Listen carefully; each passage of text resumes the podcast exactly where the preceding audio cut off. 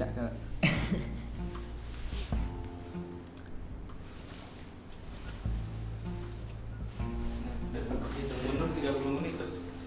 lima empat Udah di jalan. Oke. Selamat pagi Mas-mas semua. ah pagi Pak Ojan Mas. Nah, oke ya Mas. Apa kabar? ya cukup baik Sehat, sehat. apa kesibukannya di tengah pandemi ini? Kesibukannya apa ya ngerjain tugas-tugas kuliah sih mas kalau saya kalau mas Nanda ngapain mas Kalau saya liburan terus ya. Mas. Siap Enggak liburan itu, liburan tugas. Iya. Ya, eh, di tema kali ini kita akan bincang-bincang santai saja ya mengenai apa eh, tentang remaja lah, khususnya tentang apa itu namanya eh, seks seks seks pendidikan seks lah untuk terutama di situ di remaja itu. Mm-mm. Nah, eh, aku ada sedikit anu sih di bagian anu itu. Eh, remaja itu menurut kalian kalau eh, menonton video istilahnya 18 ke atas ya, Mm-mm. video dewasa gitu, gimana sih tanggapan kalian gitu? Eh, mungkin ada pengalaman dari kalian nonton gitu. Tapi kalau nggak mau cerita ya nggak apa. Tapi menurut kalian aja pandangannya itu. video dewasa ya mas Ya yang video 18 gimana itu seksualitas ya video gitu ya misal soalnya kadang Video film action juga 18 plus ya di situ ya, ya terakhir. ya yang itu misal video yang Berbau. eh, video porno gitu ya ah porno ya seksualitas Hmm. Apa saya dulu mas Nanda dulu nih? Ya cerah kalian. Ya, Yo, Mas Nanda dulu kali ya. Silakan, Mas Nanda. kamu kapak boy. Muka-muka pak boy ini. Ya, kalau menurut saya sendiri ya kalau seorang remaja apa ya sudah mengetahui tentang video porno ah, udah keras ini mas. Nah apa ya kalau menurut saya belum waktunya ya. Karena apa ya mereka masih di masa-masa ya mungkin seksualnya bukan langsung apa ya seperti video porno lebih ke pendidikan seks lah kalau itu. Kalau menurut saya lebih ke umur umur remaja itu lebih ke pendidikan seks bukan ke video porno. Kalau video porno itu kan nggak ada apa ya? Enggak tapi yang saya Hah? tanyakan itu apa wajar enggak Oh. remaja itu nonton itu Mm, kalau saya belum belum waktunya mas kalau saya. Alasannya tadi. Oh iya kamu kalau dari Mas Rizal sendiri Iya, sebenarnya kalau dilihat sekarang-sekarang yang marak beredar sih, walaupun sudah diupayakan gitu, upaya pemblokiran situs-situs, tapi masih ada jalan tikusnya biasanya mas. Hmm. Seperti kayak VPN juga yang marah, kemudian ada aplikasi tertentu juga yang masih bisa Hmm, akses. ya, Mas? Iya, gitu. kebetulan ya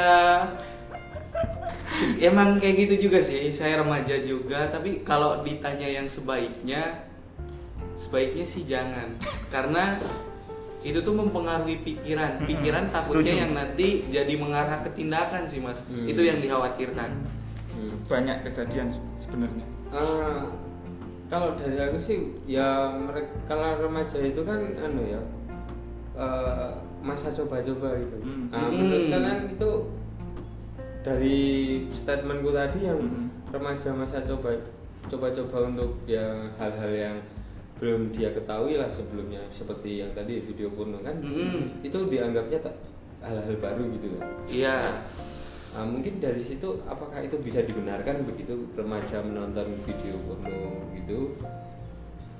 nah kalau terkait pertanyaan bisa dibenarkan atau enggak ini menurut pandangan saya ya mas ini tuh tindakan yang sebenarnya agak melenceng sih soalnya perlu diterapkan juga yang namanya pendidikan seksual Hmm. Jadi kalau itu tindakan misalnya remaja itu kan biasanya coba-coba nih. Bisa nggak sih dibenarkan kalau remaja mengakses film-film porno ya coba-coba gitu.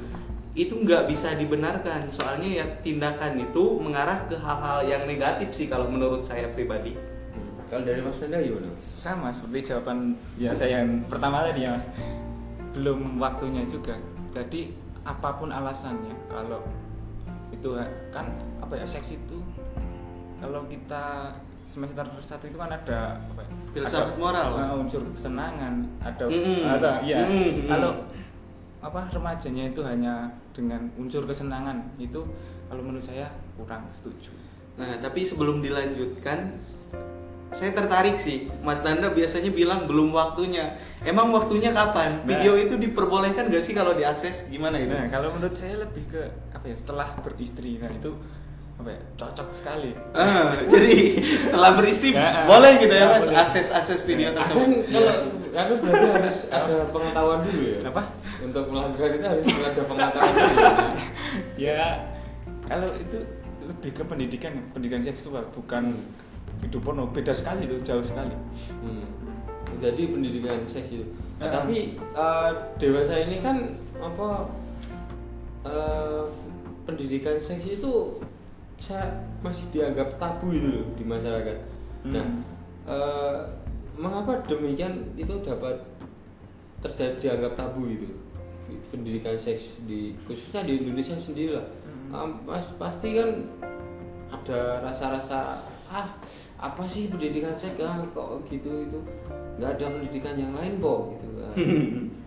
gitu menurut kalian gimana itu Hmm, emang sih pendidikan seks itu biasanya di keluarga yang apa ya? Kalau yang saya rasakan sih karena saya lahir di keluarga yang pendidikannya tidak terlalu tinggi, emang pendidikan seks itu di keluarga saya pribadi itu merupakan hal yang tabu. Bahkan saya tidak dikasih tahu mengenai kepemilikan penis dan sebagainya itu nggak dibicarakan sama sekali. Hmm. ini tuh sebenarnya harus dibudayakan sih mas. Harus dibudayakan supaya yang tadinya tabu itu harus diganti gitu. Jadi hal yang apa ya jadi hal yang harus diterapkan gitu. Soalnya ini tuh penting takutnya menjerumus ke hal-hal yang tidak baik itu jadinya yang mengakses video tersebut. Jadi itu harus cari solusi lah untuk diubah budaya yang tadinya tabu itu. Hmm, kalau mas Nanda gimana? Nah, kalau saya sendiri eh, sebenarnya pendidikan seksual itu harus apa ya? disosialisasikan mas. Jadi apa ya? perlu merubah mindset atau pola pikir dari orang tua ya masyarakat umum lah bahwa pendidikan seksual itu sangat penting. Karena bagaimanapun juga kalau orang tidak apa ya memiliki pendidikan tentang seksual kemudian mereka dihadapkan dengan apa ya sebuah misal yang berbau seksual. Mereka belum memiliki apa ya pendidikan seksual. Pasti mereka akan apa ya istilahnya kaget lah. Jadi eh, pendidikan seksual itu menurut saya harus disosialisasikan agar apa ya dapat diberikan oleh masyarakat luas. Nah, karena saya sudah menjawab, Mas Dana juga sudah. Kalau menurut Mas Paujan nih, gimana sih caranya supaya pendidikan seksual yang dianggap tabu bisa jadi dibudayakan jadi hal yang wajib gitu untuk di, diajarkan ke anak-anak itu Oh, gimana? bukan pendidikan seksual sih pendidikan seks mas ya Ya gimana itu bedanya Mas? gimana tadi pertanyaan pendidikan seks gimana Ya, pendidikan seks ya. Jadi pendidikan seks gimana caranya supaya jadi budaya tabu itu seolah diganti gitu jadi budaya yang wajib diterapkan karena itu penting untuk perkembangan anak. Ah, berarti kita eh, kalau dari saya sih untuk supaya pendidikan seks bukan dianggap hal tabu tadi eh, kita harus istilahnya kita gini memberikan sosialisasi kepada masyarakat luas eh, karena kan tentang pentingnya eh, urgensivitas itu dari pendidikan seks itu Eh, kalau misal gini di- kita kasih tahu aja misal kalau remaja itu nggak nggak ada apa istilahnya nggak ada pengetahuan tentang seks seks tadi Hmm. nah itu remaja akan begini begini nah dari situ kan dari sosialisasi itu Hmm. hmm, pasti masyarakat yang konservatif tadi yang eh, menganggap pendidikan seks itu tabu itu eh, menjadi lebih terbuka pemikirannya. Oh kalau begitu oh bisa juga ya. Oh, anak saya terkena gitu pengaruh dari luar misal seks bebas begitu. Mhm. nah dari situ kan muncul rasa kekhawatiran dari eh, masyarakat yang konservatif tadi tentang jika jika jika anak mereka tidak meng- memiliki penge- pengetahuan yang lebih tentang seks itu. Mungkin dari anu sih begitu. Nah kalau menurut kalian sih itu yang pendidikan seks itu urgensivitasnya apa sih? Manfaatnya? Manfaat. Heeh, manfaatnya pendidikan seks itu gimana? Ap- untuk ah, untuk remaja gitu lah khususnya. Hmm, manfaat kalau pendidikan seks diajarkan itu banyak sebenarnya mas, banyak sekali. Mungkin ya yang saya ketahui terlebih dahulu kalau pendidikan seks diajarkan itu nantinya di usia-usia remaja bisa mengurangi tingkat apa yang mengurangi biasanya pergaulan bebas ah pergaulan bebas. Selain itu juga kalau diajarkan disosialisasikan nanti jadinya anak tersebut ya berhati-hati juga sih Hmm. nyari-nyari lingkungan kan. Kalau dampak positifnya yang saya tahu baru itu sih mas. Hmm. ya kalau dari mas Nadia itu Kalau menurut saya banyak sekali ya manfaatnya, terutama setelah apa ya, ya masyarakat ya ditujukan kepada masyarakat remaja lah khususnya setelah mendapatkan pendidikan seksual itu pasti mereka akan mendapatkan dampak yang positif banyak, terutama ketika mereka apa ya sebelumnya mereka belum apa belum mengetahui pendidikan kemudian mereka pasti kalau apa ya kalau mereka tahu dari diri dari diri sendiri maksudnya tidak ada orang yang mendampingi orang yang lebih tahu pasti mereka akan mencoba atau mencoba-coba gitu. Kalau mereka mendapatkannya dari orang yang misalnya kayak eh, dari orang yang lebih tahu lah nah itu pasti mereka juga apa ya menerima pendidikannya itu dengan baik Hmm, oke. Berarti pendidikan seksual itu amatlah penting ya mas. So, Hmm. oh, dari itu kan remaja itu istilahnya eh, masa puber AC gitu. nya terlalu dingin nih mas. Iya, mas, ini fasilitas harus yang harus kita nikmati. Dimaksimalkan ya mas. Iya. Dinginan kita. Eh, aku juga setuju sih dari yang kalian ungkap tadi Eh, dari pendidikan seks tadi toh itu juga bisa meningkatkan apa eh, membangun kepercayaan antara orang tua dan anak gitu. Nah karena kan ini seperti yang ada di sini eh, itu membahas seks terbuka dengan anak justru memberikan anda kesempatan untuk memberikan informasi yang sesuai dan akurat seputar seks. Hmm. Nah, dengan demikian, anak tidak akan mencari sumber sendiri yang belum tentu tepat atau justru tidak layak, misalnya video. Nah, jadi tak simpulkan dari pembahasan kita itu berarti pendidikan seks itu eh, adalah cara lain supaya anak itu tidak penasaran dengan eh, istilahnya eh, adegan-adegan dewasa gitu ya yang di Hmm. video porno. Nah, itu dari pendidikan seks itu berarti eh, eh, apa anak itu bisa me- melihat gambaran Hmm. tapi dengan apa dengan penjelasan yang lebih tepat gitu Hmm. bukan kan kalau video porno itu tidak ada penyaringan gitu lah ada. Edukasi. eh, misal wah ini lakukan ini benar. Berarti kita harus melakukan kayak gitu. Nah itu kalau kalau tidak ada penyaringan di situ. Beda dengan pendidikan seks tadi yang apa eh, anak itu bisa dijelaskan juga. Berhubungan ini berhubungan kayak gini itu bolehnya kalau udah udah menikah begitu dan seterusnya. Dan kalau ada seks bebas itu eh, resikonya apa sih? Gitu gitu soal ada penyakit itu. Nah lebih menekankan pada Ah. edukasi mas. Ya. Eh, dari dari perbincangan kita hari ini eh, apa itu yang mungkin nggak sih eh, ada pesan-pesan dari masnya supaya remaja itu bisa remaja yang khususnya yang kecanduan pornografi tadi Hmm. eh, bisa keluar dari ruang lingkupnya yang sering melihat pornografi begitu mungkin bisa di ada pendapat-pendapat dari masnya ini kan yang ya nggak tahu lah saya kalian udah sering nonton atau enggak Oh, Eh, mungkin untuk bisa ke teman-teman lainnya mungkin Hmm. ada yang menonton bisa keluar dari jeratan pornografi gitu oh, jadi eh, itu cara mengatasi ya Mas? Eh, ya Apa? cara keluar mengatasi keluar agar dari tidak kecanduan yes sebenarnya banyak opsi pilihan Ya. sebenarnya untuk mengatasi orang yang sudah kecanduan dengan pornografi.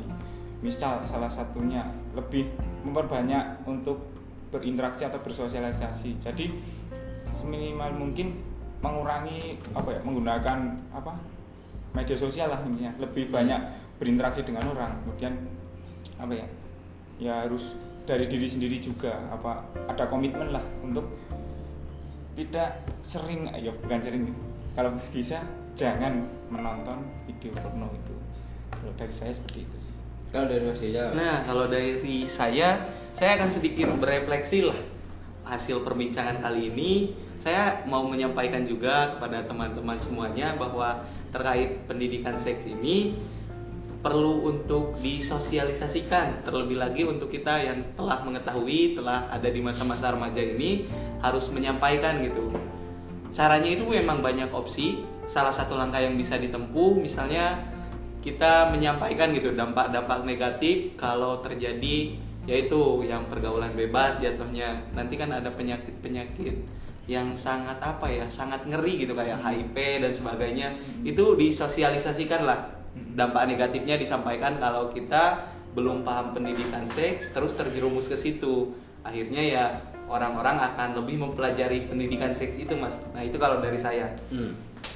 Eh, ada sebelum kita ke se- em, sesi akhir dari ini ya, ada satu lagi. Eh, eh, bagai gini tentang anak-anak yang telah kecanduan seks eh, video porno tadi ya, bukan seks sih, video porno. Salah ya, maaf ya guys. Nah, itu dari situ kan eh, apakah anak-anak yang udah kecanduan video porno itu eh, perlu kita bantu untuk keluar dari jeratan kecanduan tadi atau justru malah kita eh, se- eh, kita hindari agar kita tidak ikut-ikutan apa ikut-ikutan dia kecanduan tadi. Hmm. gimana tanggapan kalian? Aku itu mungkin untuk saran-saran untuk teman-teman gitu.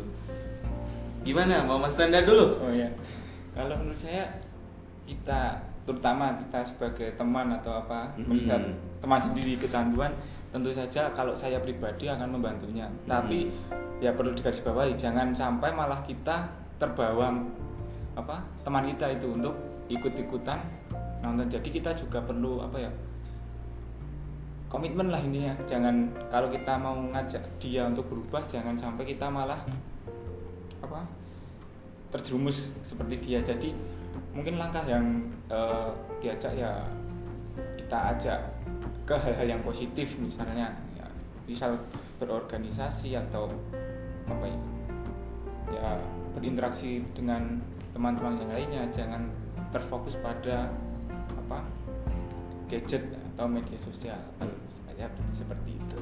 Kalau dari Mas Rizal gimana? Hmm, kalau dari saya, saya kembali mengulang jawaban Mas Nanda tadi sepertinya ada yang pola yang harus diterapkan harus lebih banyak kegiatan produktivitas gitu. Harus mengurangi kegiatan-kegiatan yang jam-jam kosong itu harus dikurangi harus ditambah kegiatan-kegiatan yang meningkatkan kita lah yang memberdayakan kita. Kemudian selain itu juga harus ada pola yang diterapkan gitu mas. Jadi ada pola kalau yang saya baca dari psikologi kita itu harus bertahap gitu. Kalau langsung mungkin gak bisa tapi misalnya kita coba satu minggu tanpa menonton video tersebut ajarkan ke orangnya gitu kalau kita tahu. Walaupun ini emang rahasia ya biasanya nggak tahu kan orang lain Iya. tapi berhubung yang mendengarkan kalau merasa dirinya sudah terjebak di situ ada pola yang bisa diterapkan. Jadi satu minggu pertama tanpa menonton video tersebut kemudian diterapkan lagi ya 8 hari ya ningkat-ningkat lah nantinya sampai nanti titik puncaknya itu dua bulan lah kalau dua bulan nggak nonton itu sebenarnya udah terlepas dari kecanduan itu sebenarnya Kayaknya bakal ada sakaunya di Ya. itu mas kalau dari saya Oke, ya gitu guys. Jadinya eh, bagi yang udah kecanduan mungkin bisa dikurangi bertahap-tahap. Nah dari situ kita bisa terlepas dari jeratan apa? Eh eh, bukan kita sih, ya kalian. bukan kita kamu kamu. Kalian ya. Kalian dapat eh, terhindar dari kecanduan itu. Nah eh, mungkin dari apa dari kalau kalian masih penasaran dengan pornografi mungkin kalian jangan melihat video pornografi. Tetapi eh, dalamilah tentang pendidikan seks. Begi- itulah gunanya pendidikan seks agar kita bisa me- mengetahui gambaran yang lebih gambaran tentang apa yang baru itu tanda tanda kutip eh, hubungan suami istri nah begitu. Eh, gitu. Eh, dari podcast kali ini mungkin bisa membawa manfaat untuk kalian. Ha, sekian dari kami. Kami tutup. Terima kasih Terima atas kasih. waktunya Mas. Nanda dan Mas Rizal sampai bertemu di Sama-sama. podcast lain hari lain Iya. oke terima kasih. Welcome back. Berapa menit itu